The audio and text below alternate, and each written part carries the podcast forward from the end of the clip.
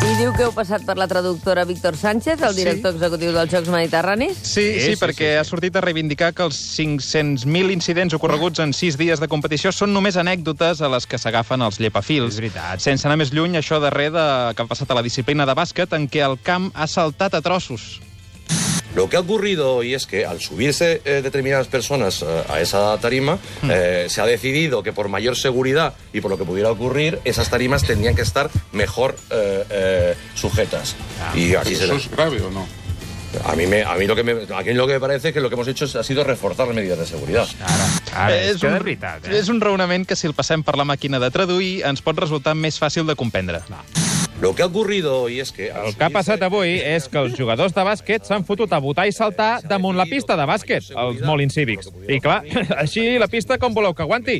Collons, la culpa és seva, l'organització ho hem fet tot de nassos. Que cal una pista de bàsquet? Pam! Nosaltres teníem llesta una pista de bàsquet. Xulíssima. Però clar, no perquè després vinguin uns dropos a, a fer-la servir. I, I menys fotent aquells cops amb la piloteta. Bang, bang, bang, on s'és vist? I, I fa falta que tirin triples de tan lluny?